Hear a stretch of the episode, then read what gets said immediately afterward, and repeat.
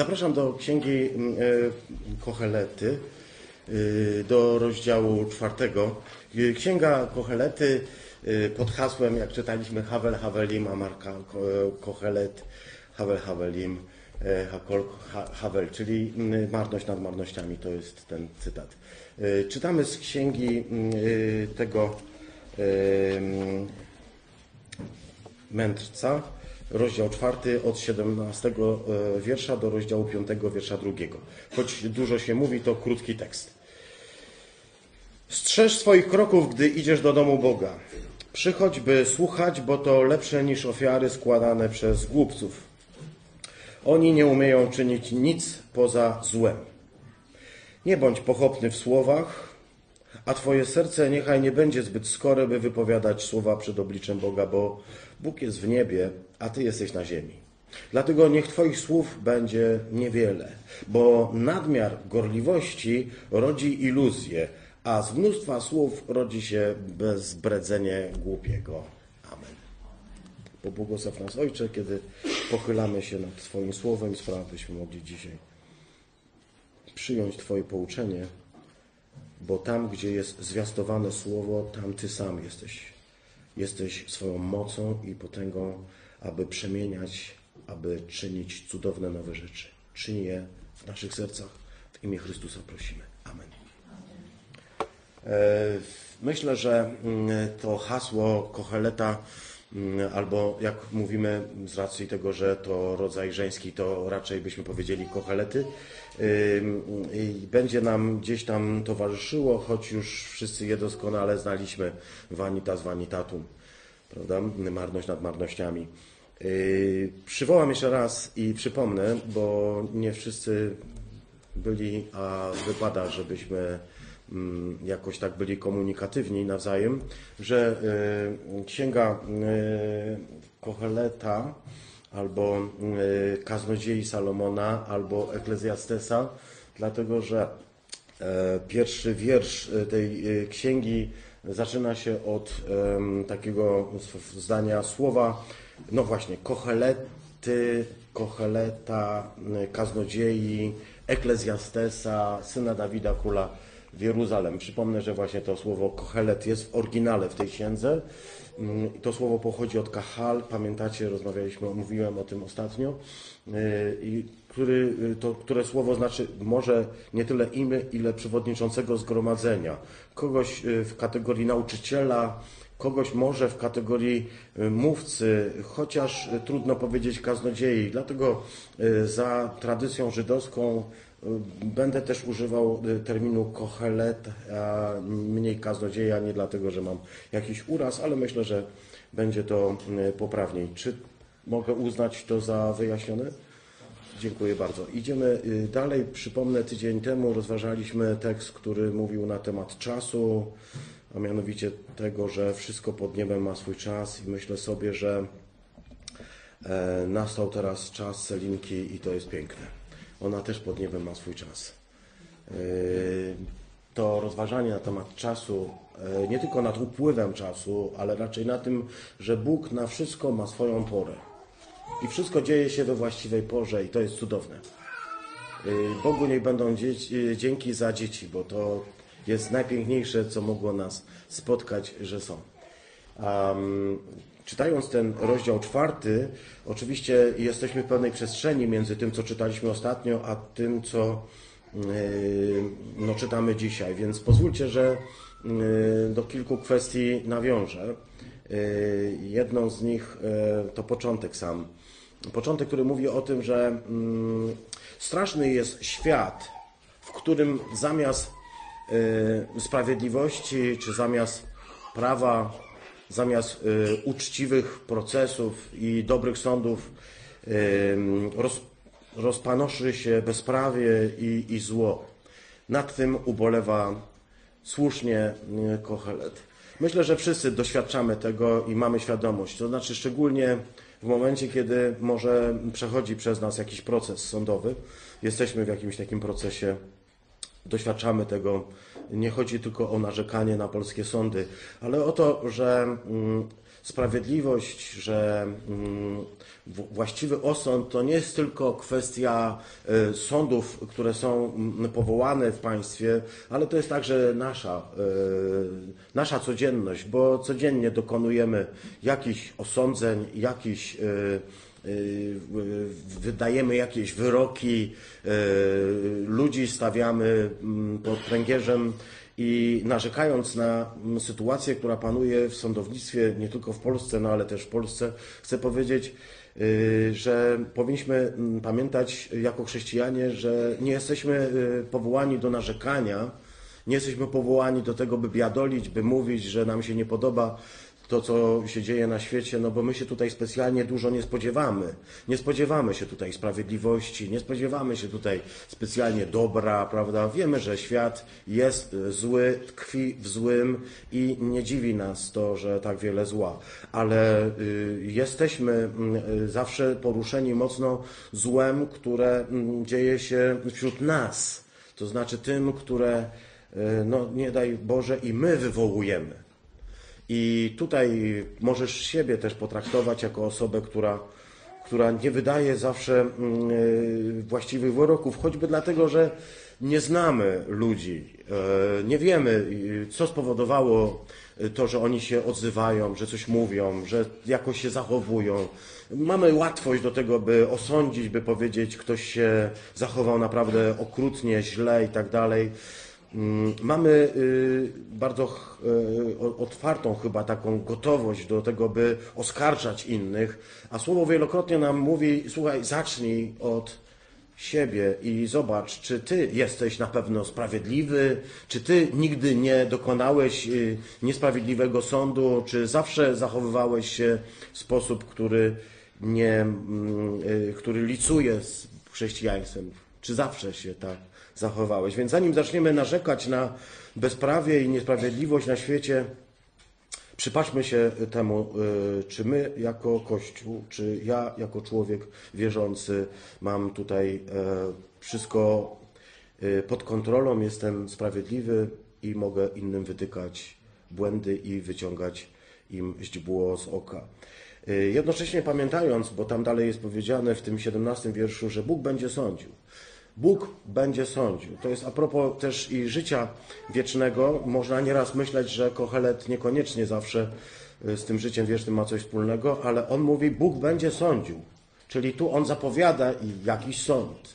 Będzie sądził sprawiedliwych, będzie sądził niesprawiedliwy i jest jego czas. Przyjdzie czas, będzie sądził. Dzisiaj może tego to się nie dzieje, ale przyjdzie czas, Bóg będzie sądził. Y, jednocześnie mm, to wszystko, co widzimy, y, to, co nas dotyka, to, że ten świat jest tak urządzony, jak jest urządzony, możemy nazwać y, jakąś przedziwną grą, jakimiś momentami cyrkiem. Ten świat normalnie to jakiś cyrk jest. Tu jest powiedziane o nim tak, że Bóg wszystko urządził po to, by człowieka doświadczyć. Gdybyś wiedział o tym, że to wszystko dzieje się po to, żeby Ciebie doświadczyć. Ja się zastanawiam, czytając 22 rozdział Księgi e, Rodzaju. Wszyscy pamiętamy, co tam jest. W 22 rozdziale Księgi Rodzaju jest powiedziane, że Bóg postanowił wyprowadzić, wy, wystawić na próbę Abrahama i powiedział do niego: Idź do kraju, który ci wskaże, weź swojego syna umiłowanego jedynaka i złóż go w ofierze na górze, którą ci pokażę. Wiesz, e, dramatyczna sytuacja rodzica, dramatyczna sytuacja dziecka, dramatyczna sytuacja relacji. To jest po prostu coś e, wstrząsającego. Ale tam jest takie słowo, które jest na początku powiedziane. Bóg wystawił na próbę Abrahama i powiedział. Problem polega na tym, że Bóg nie powiedział tego Abrahamowi. Bóg nie powiedział, wystawiam cię teraz na próbę, chcę sprawdzić, jak byś się zachował, gdybyś usłyszał, że masz iść do kraju, y, który ci wskaże i tam złożyć swojego umiłowanego jedynaka na ofiarę. Jak byś się zachował? Gdy wiemy, że coś jest próbą, zawsze możemy powiedzieć, no to ja, y, no próba, prawda? Y, wiem, wiem jak się zachować. E, problem polega na tym, że mm, my to wiemy, że Bóg wystawia Abrahama na próbę, bo czytamy Biblię, czytamy o tym, ale czy Pan Bóg mówi to nam za każdym razem, kiedy wystawia nas na próbę? Czy Pan Bóg wcześniej mówi nam o tym, że wystawia nas na próbę? Otóż wiemy wszyscy i możemy odpowiedzieć chórem nie. Nie wiedzieliśmy, że to próba, że to próba wiary, że to próba cierpliwości, że to próba łagodności, a przecież codziennie, codziennie w pracy, w domu, w, w, w różnych środowiskach wystawiani jesteśmy na, na próby. I tutaj jest powiedziane, Bóg to wszystko tak urządził, by nas doświadczyć. Z jakichś powodów chce nas doświadczyć. Możemy sobie zadać pytanie, czy Bóg ma prawo nas doświadczyć? Oczywiście część ludzi powie, że jestem sam w sobie człowiekiem i nie chciałbym, żeby mnie ktoś doświadczał. Ale ja chcę powiedzieć, według Biblii każdy z nas jest Jego tworem. I Bóg ma prawo zrobić z nami to, co chce. I takie, taka jest wizja chrześcijaństwa. Bóg może uczynić z nas to, co chce, ponieważ Bóg nas w ogóle uczynił. Dlatego jeśli przeprowadza nas przez próby, przez doświadczenia, o których tutaj czytamy, bo tak wszystko urządził, że i podlegamy doświadczeniu, to jednocześnie musimy wiedzieć, że to czemuś służy. Czemuś, czego nie jesteśmy w stanie przeniknąć. Kasia złożyła przed chwilką świadectwo tego, że mm, Bóg y, doświadczył w sposób wyjątkowy, potężny doświadcza ich małżeństwa, ich y, życia rodzinnego. Y, nie jesteśmy w stanie odpowiedzieć na pytanie dlaczego. I to, co najważniejsze, Kochelet na to pytanie też nie odpowiada. On stawia pytanie. Nie wiemy czemu. Wiemy natomiast, że on tak wszystko urządził. I od nas się spodziewa, że będziemy wierni w tym, co nas y, dotyka, bo taka jest Jego święta wola i takie jest nasze wobec Niego postanowienie. Jeśli czymś się różnimy od świata, to właśnie tym, że Jemu zaufaliśmy. Że możemy powiedzieć, że choćby najcięższa próba, to jest tak, że Jego wola jest dla nas absolutnie tak i amen. To jest właśnie ta różnica. Bóg to wszystko tak urządził, aby nas doświadczyć. Tak mówi Kochelet i mówi rację, i mówi prawdę.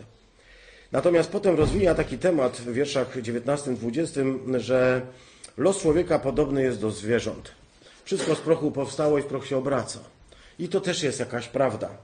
Prawda, która nas może zaskakiwać, ale yy, głęboko doświadczamy tego, oto z prochu powstało i w proch się obraca nie tylko ludzkie życie, ale także życie zwierzęcia.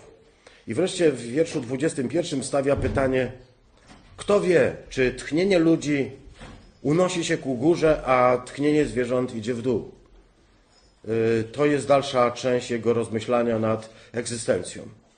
I do niej jeszcze trzeba będzie nawiązać. Teraz chcę tylko powiedzieć, streszczając króciuśko jeszcze pozostałe tematy. Y, wiersz 22 y, trzeciego rozdziału po raz trzeci Kochelet mówi nic lepszego dla człowieka niż cieszyć się tu i teraz ze wszystkiego tego, co ma, co, co się dzieje. Bardzo mądra rzecz i po raz trzeci, bo już w rozdziale drugim, w rozdziale trzecim już o tym Kochelet wspomniał, już o tym mówił, że dobrą rzeczą jest, wspaniałą rzeczą jest, by chwycić dzień, by nie żyć przeszłością i by nie żyć przyszłością, by żyć tu i teraz, bo Przeszłość minęła, a przyszłość jest niejasna. Nikt z nas nie wie, czy wróci cały do domu. Dlatego nauczyć się żyć tu i teraz. I teraz, jeśli pozwolicie, to muszę yy, odpowiedzieć na to pytanie, które już y, stoi trochę wcześniej. Pytanie, które on zadaje. Pytanie, które y, wynotowałem sobie mm, z księgi Gianfranco Rafasiego, którą już podałem tutaj y, Pytanie, które on, on skomentował tak, nie wiem, czy Wam się spodoba, mi się bardzo podoba, wiem, że Jackowi się spodoba. Kohelet znęca się do bólu, radykalnie kwestionując ludzką godność za pomocą bezlitosnego, retorycznego pytania, kto wie. Bardzo mi się podobało. Jackowi też. Znęca się nad nami do bólu za pomocą bezlitosnego pytania. Pytania, które jest poprzedzone kwestią, że nie ma żadnej różnicy między człowiekiem a zwierzęciem. To do prochu i to do prochu. ale pytania, które radykalnie stawia w wierszu 21. Kto wie? Dlaczego on to pytanie postawił? Żebyśmy to mogli zrozumieć, musimy na chwilkę popatrzeć na y, całą Księgę Starego Testamentu, na moment tylko, i na wierzenia Żydów dotyczące życia po śmierci. Y, otóż my jesteśmy już po credo i przez y, długi czas, może przez jeden długi sezon rozważaliśmy wyznanie wiary, a wśród y, tych słów wyznania wiary także i to, że wierzymy w zmartwychwstanie. I tutaj przeanalizowaliśmy wtedy, to tylko przypominam tym, którzy chodzili, że przeanalizowaliśmy sobie i to, w jaki sposób Żydzi wierzą, czy Żydzi wierzyli w, w zmartwychwstanie czy w życie po śmierci i odpowiedzieliśmy sobie ku chyba zaskoczeniu wielu z nas, że Żydzi się generalnie tym problemem, problemem życia po śmierci nie zajmowali. Y, że nie ma tam tego, co my się nieraz spodziewamy, czytając, że tam już oczywiście, że jest powiedziane, że człowiek umiera, ale nie wszystek umiera, że potem idzie do nieba i że tam czeka na coś, albo że coś się dzieje, albo że idzie do piekła. W ogóle tych myśli nie ma. Jest raczej taka wizja Szeolu, miejsca, gdzie się spędza wieczność w mroku jako cienie. I tego jest najwięcej w Starym Testamencie. Yy, możemy zobaczyć, że yy, odpowiadając na pytanie, dlaczego Tora, dlaczego Pismo Starego Testamentu, szerzej mówiąc, nie zajmuje się problemem życia po życiu, czyli olam habaya, mówiąc Żydzi, to odpowiadają sami Żydzi w ten sposób. Ponieważ Egipt niczym innym się nie zajmował, jak tylko życiem po śmierci. I rzeczywiście badacze, którzy zajmują się badaniem Egiptu, starożytnego Egiptu, wiedzą, wiedzą także u, u, uczniowie e, szkoły średniej, którzy mieli coś o Egipcie, że Egipcjanie głęboko wierzyli w życie po śmierci i przygotowywali e, się na życie po śmierci. E, to przygotowywanie oczywiście my wiemy, że przyjęło postać mumifikowania ciała po śmierci, bo wierzyli, że dopóki ciało istnieje, dopóki istnieje życie po śmierci, dlatego to ciało musi być zachowane. Ale też wręczano zmarłemu księgę, która pozwoli mu y, odpowiedzieć na różne mm, y, trudne pytania, które mu tam po drugiej stronie y, rzeki zadadzą, kiedy zadadzą mu pytania o tym, jak żył, jak postępował. On musi się nauczyć odpowiadać. I stworzyli coś, co nazywa się księgą umarłych. Y, często mm, korytarze y, grobowe były tą księgą zapisywane, żeby umarły wiedział, co ma odpowiedzieć różnym bogom i istotom, które się pojawią na pytania dotyczące jego życia. Przygotowywano do życia po śmierci. Możliwe, że dlatego właśnie, tak mówią sami Żydzi, Możliwe, że dlatego właśnie y, oni, Żydzi, kompletnie się tym nie zajmowali. I to jest chyba bardzo ważne, bo tutaj możemy powiedzieć jeszcze tak, że judaizm skupia się na życiu. Nie na tym, y, co się dzieje z człowiekiem po śmierci, tylko na samym życiu, ponieważ e, mówi judaizm, to zastanawianie się nad tym, co będzie po śmierci, jakie musisz mieć książeczki, na co musisz być przygotowany, jak musisz odpowiedzieć temu demonowi, temu diabłu, temu bogowi, zastanawiać się nad tym, to tracić życie. Szkoda, mówi autor, yy, mówi Kohelet. Jest stratą czasu skupianie się na czymś, na, na czym, na co nie mamy wpływu. E, Kohelet więc e, może mówi tak, e, jak, jak judaizm.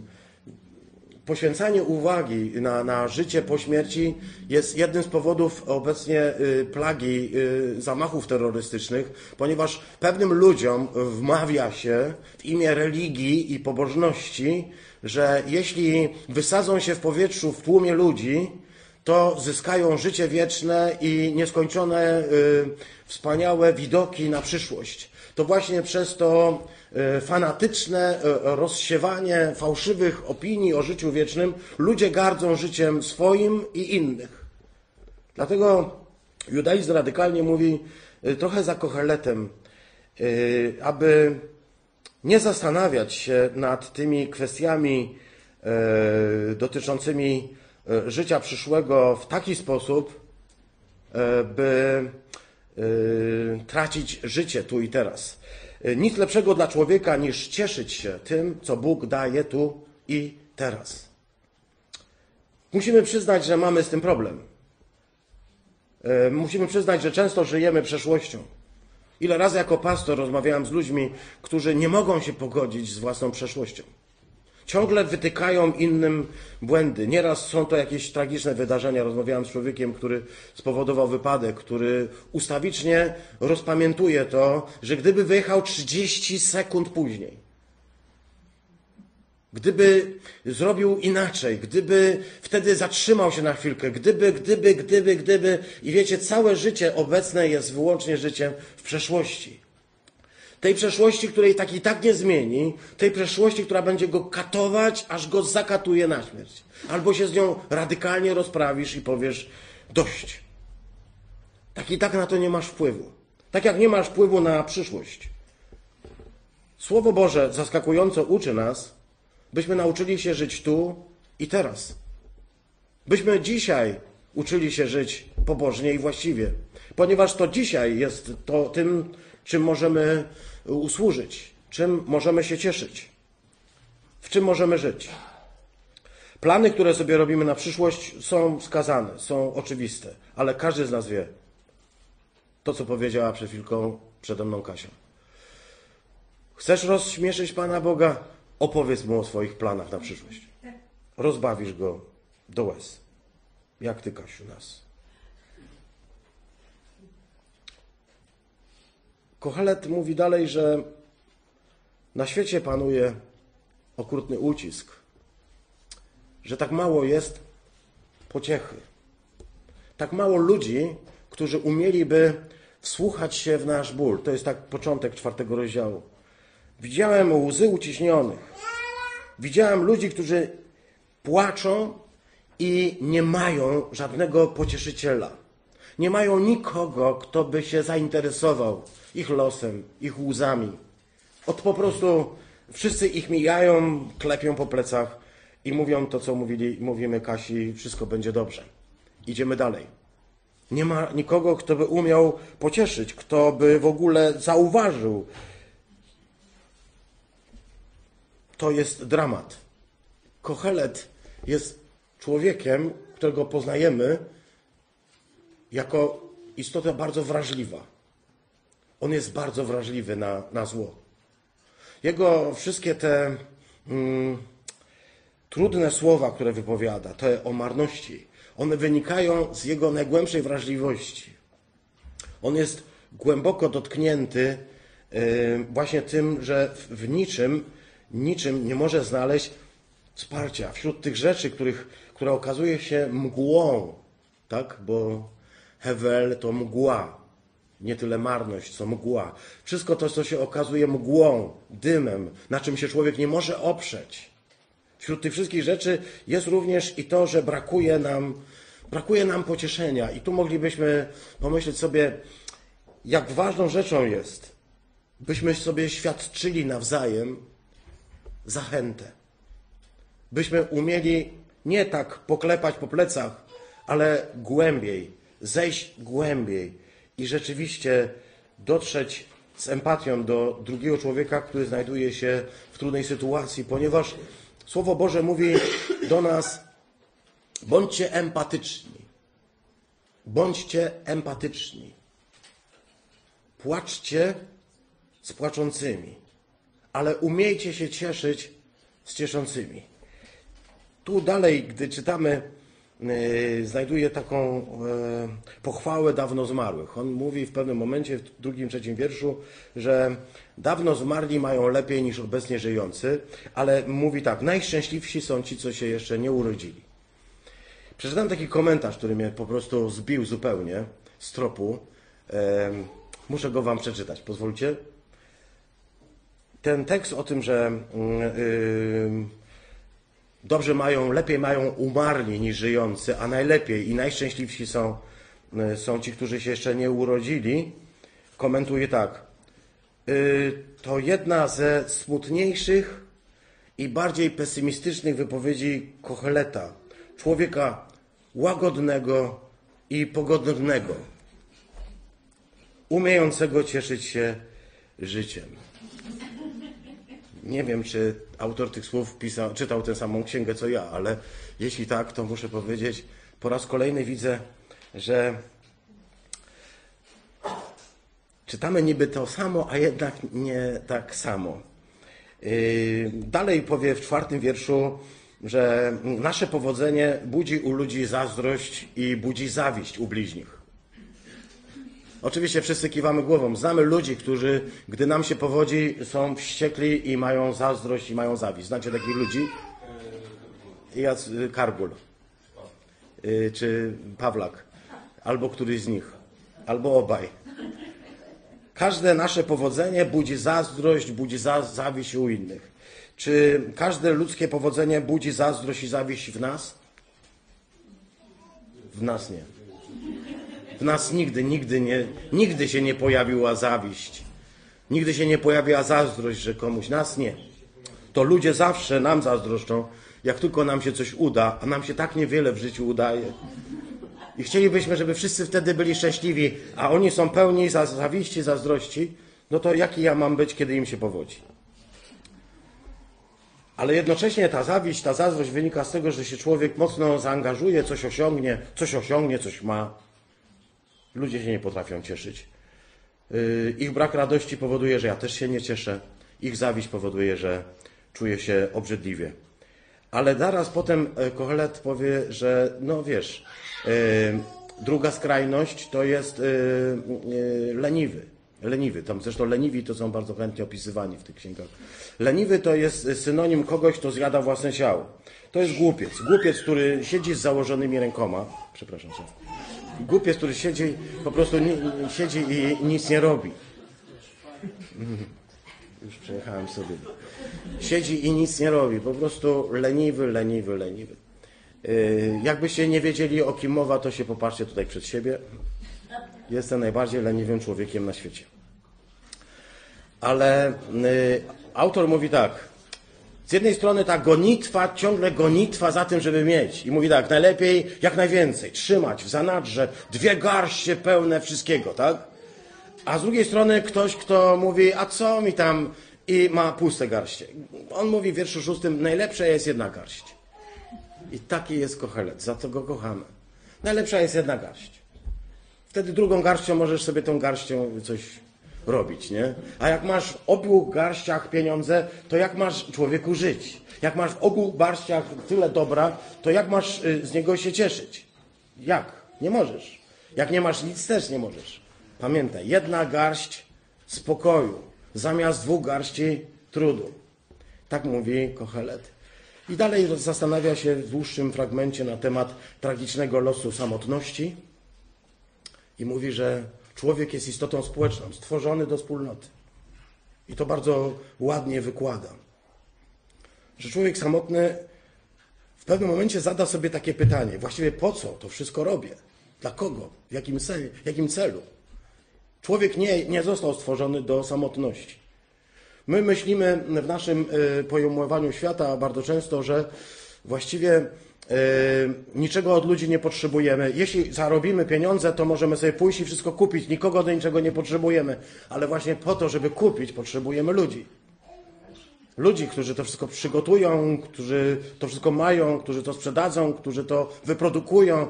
Potrzebujemy ludzi. Człowiek w swoim e, absolutnym absurdzie zaczyna myśleć, że jak ma pieniądze, to ma wszystko. Człowiek potrzebuje nie pieniędzy, mówi Kochelet, ale drugiego człowieka. A najlepiej, mówi, gdy was jest trójka. Wtedy tworzycie lepszy związek.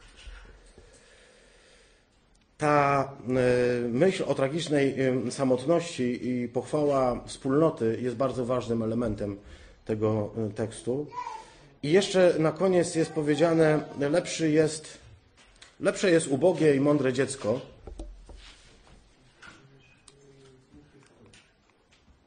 Lepszy jest, ubo jest ubogie, mądre dziecko niż stary, głupi król. To jest dziwne, wiecie, bo zwyczajowo jest tak, że raczej mm, mądrość to nam się z głupotą kojarzy, a starość y, z mądrością. Jak mówią mądrzy ludzie, że y, mądrość przychodzi z wiekiem, choć bywa, że wiek przychodzi sam. bez mądrości. Tutaj e, Kocheleta chce nam powiedzieć, ni mniej, ni więcej, że mądrość bywa zupełnie w nieoczekiwanych miejscach, na przykład wśród młodzieńców, wśród dzieci, a nie ma jej tam, gdzie byśmy się jej naturalnie spodziewali. Nie ma jej w starym królu. Dlaczego? On jest głupi, mówi tutaj ta, ta, ten tekst, ja bym tak nie powiedział o nim, bo nie wolno mówić, że ktoś jest głupi, ale tekst mówi, że on jest głupi, ponieważ nie słucha rad. Przestał się uczyć. Uznał się za tak mądrego, albo jak mówią warszawiacy, mądrego, tak mądry, że on już nikogo nie potrzebuje, z nikim się nie liczy, on już jest najmądrzejszy i to jest objaw totalnej. Natomiast dziecko, cudowne dziecko, które jest mądre, które w pewnym momencie zostaje królem, jak tutaj dalej czytamy. Te, te dziecko mądre zostaje królem. I co się z nim dzieje? No właśnie. Kochelet jest bez e, żadnego, e, bez, nie, nie zostawia w nas nadziei. Nie mówi nam, że mądry, mądre dziecko zawsze będzie mądre i będzie tylko coraz mądrzejsze, bo po prostu w pewnym momencie przychodzi czas, kiedy człowiek zaczyna głupieć. I to go przeraża. I nas. Bo czy nie powinno być tak, że człowiek, który zdobywa mądrość, nabywa tej mądrości, rozpoczyna tę służbę, tę służbę dalej kontynuuje. I jest i coraz bardziej i coraz bardziej. Czy nie powinno tak być? Powinno tak być. A jednak robimy wszystko, żeby tak nie zrobić. Możemy zadać sobie pytanie, co z tego wszystkiego wynika, e, ponieważ nie pokażę Wam wszystkiego tego, co było przygotowane, bo nie mogę, ale przez moment jeszcze popatrzmy się na ten tekst. Tekst, który y, mówi nam y, następującą rzecz. Strzeż swoich kroków. Zastanawiałem się jeszcze nad tym w tym tygodniu dłużej. Czemu mam strzec swoich kroków, jak idę do kościoła?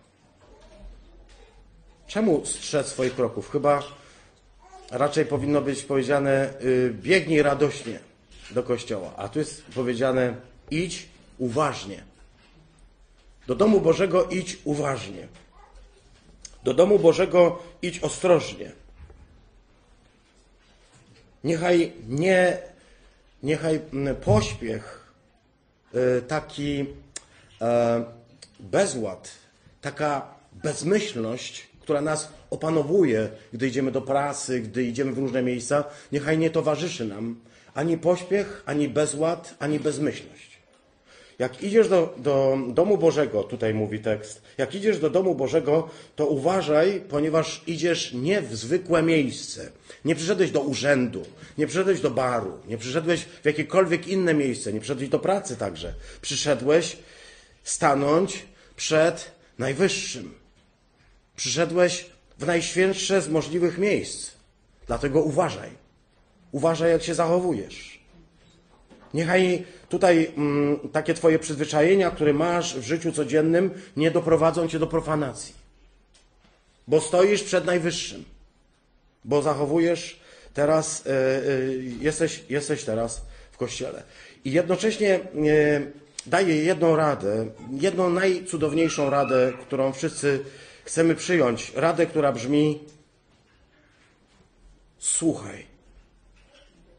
Haniu, pamiętasz, jak brzmi pierwsze przykazanie? Słuchaj Izraelu. Tak brzmi pierwsze przykazanie. Szema. Szema Izrael. Słuchaj Izraelu. Wszystko za, za, zaczyna się od usłyszenia, od słuchania. Bóg mówi tak: są dwie postawy. Jedna, która polega na tym, że przychodzimy i coś dajemy. Tutaj powiedziane, jak głupiec, który myśli tylko o tym, że on musi ofiarę złożyć, on musi ofiarę złożyć. A Bóg mówi tak: jak przychodzisz do mojego domu, to zachowaj się tak, jakbyś przyszedł do cudzego domu. Jeśli do kogoś przychodzimy, to nie będziemy u niego na dzień dobry składać ofiary. Ponieważ przyszliśmy do kogoś i postanowiliśmy na dzień dobry zarżnąć barana. Na przykład. Stwierdziliśmy, że a, idziemy do kolegi, to zarżniemy barana. I przychodzimy do niego i on mówi, zaraz, zaraz, całą podłogę mi tutaj baranem uświniliście, dajcie spokój. No. Pan Bóg mówi tak, jak przychodzisz do kościoła, to nie zaczynaj od swoich ofiar. Zacznij od tego, żeby przyjść, żeby usiąść, żeby posłuchać, ponieważ Bóg jest osobą, która chce nawiązać z Tobą relację.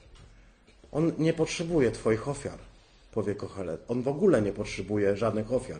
On się nimi nie karmi, one nie są mu potrzebne do niczego innego, jak tylko Tobie do tego, by wyrazić swoją wdzięczność. Ale Jemu są niepotrzebne, bo wiesz, to jest tak, że Ty jesteś zajęty tym, co Ty masz do zrobienia, a Ciebie kompletnie nie interesuje gospodarz.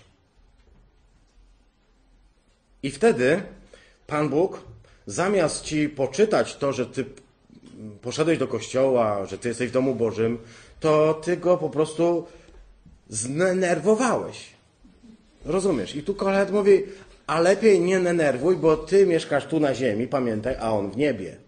A jak on się zdenerwuje, to możesz mieć określone problemy. A więc słuchaj, Izraelu, przyjdź do kościoła, wstąp do domu Bożego i usiądź i słuchaj. Nie pastora ani kogoś, kto tutaj usługuje. Wsłuchaj się w to, co Pan Bóg mówi. Ja e, mogę się mylić i każda inna osoba, która tu stoi na tym miejscu, jest omylna. Ale Bóg, który przemawia do naszych serc, On chce, byśmy się wsłuchali w Jego głos. Abyśmy wsłuchali się w to, co On ma do powiedzenia. Muszę powiedzieć, że jestem pod wrażeniem Jego rady. Jego rady, która mówi i podkreśla, że gdy przychodzisz przed Boży Tron, to najpierw zamień się w słuch, a nie w akcy, a akcję, a nie składaj ofiary, a nie mnóż słów. Najpierw wsłuchaj się. Najpierw posłuchaj. Zresztą on w ogóle, mówię o Kochelecie, podkreśla, żeby nie być pochopny w słowach. Żeby nie ponaglać swoich ust, jak mówi dosłownie. Y, żeby mm, twoje serce nie było skore do powtarzania, do wielej, wielej, wielkiej ilości słów przed obliczem Boga. Pamiętaj, że im więcej słów, tym więcej głupot. Im więcej słów, tym więcej głupot. Stąd musimy też e, zwrócić uwagę na naszą modlitwę, jaką zanosimy do Boga. Żeby nie była sztampowa, żeby nie była powtarzana, tylko żeby była autentyczna, prawdziwa. I to, co tutaj Kohelet mówi, co chcę podkreślić z nim, żeby była krótka. Nasze uwielbianie nie należy do krótkich. Mogą to potwierdzić nasi gości. Nasze uwielbianie krótkie nie jest. Ale chciałbym, nie wiem czy to jest dobry czas, tak zaapelować, żeby jak najwięcej z nas mogło w tym uwielbianiu brać udział także w modlitwie indywidualnej. Problem jest tylko wtedy, gdy nie ma na to czasu. A jego nie ma, jeśli yy,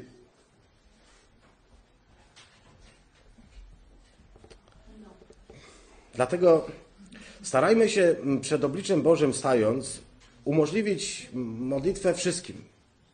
I to jest zadaniem tego zespołu, który prowadzi uwielbianie, żeby każdemu umożliwić y, modlitwę, ale też my sobie nawzajem umożliwiajmy w ten sposób, że jeśli się modlimy, to starajmy się modlić na tyle krótko, żeby inni mogli się włączyć. I jeszcze inni, i jeszcze inni, i jeszcze inni. Kochelet zaleca umiar we wszystkim, także w modlitwie. I to jest bardzo piękne. Nie chcę rozwinąć jeszcze innego wątku, ale zamknę to tym, czego nie ma tu napisane. Mianowicie zdaniem, które brzmi tak. Gdy złożysz Bogu ślub, nie zwlekaj z wypełnieniem go, bo mu się głupcy nie podobają. Gdy złożysz ślub, nie zwlekaj z wypełnieniem. Czy my składamy jakieś śluby? Jeden na pewno. Ślub brzmi Jezus Chrystus jest Panem. To jest nasz ślub. To prawda? To jest nasz ślub. Ślubem naszym jest to, że wyznajemy, że Jezus Chrystus jest Panem. Siostry, bracia, tego ślubu musimy dopilnować. Możemy być głupi i nic nie rozumieć, ale Bóg chce, abyśmy ślubu dotrzymali. Jeśli więc wyznajemy, że Jezus jest Panem, tego się trzymajmy. Trzymajmy się całego serca, wyznawajmy to i miejmy to przed oczyma, że On w każdej sytuacji naszego życia jest Panem. Że największe doświadczenie, które przechodzimy, On w tym też jest Panem.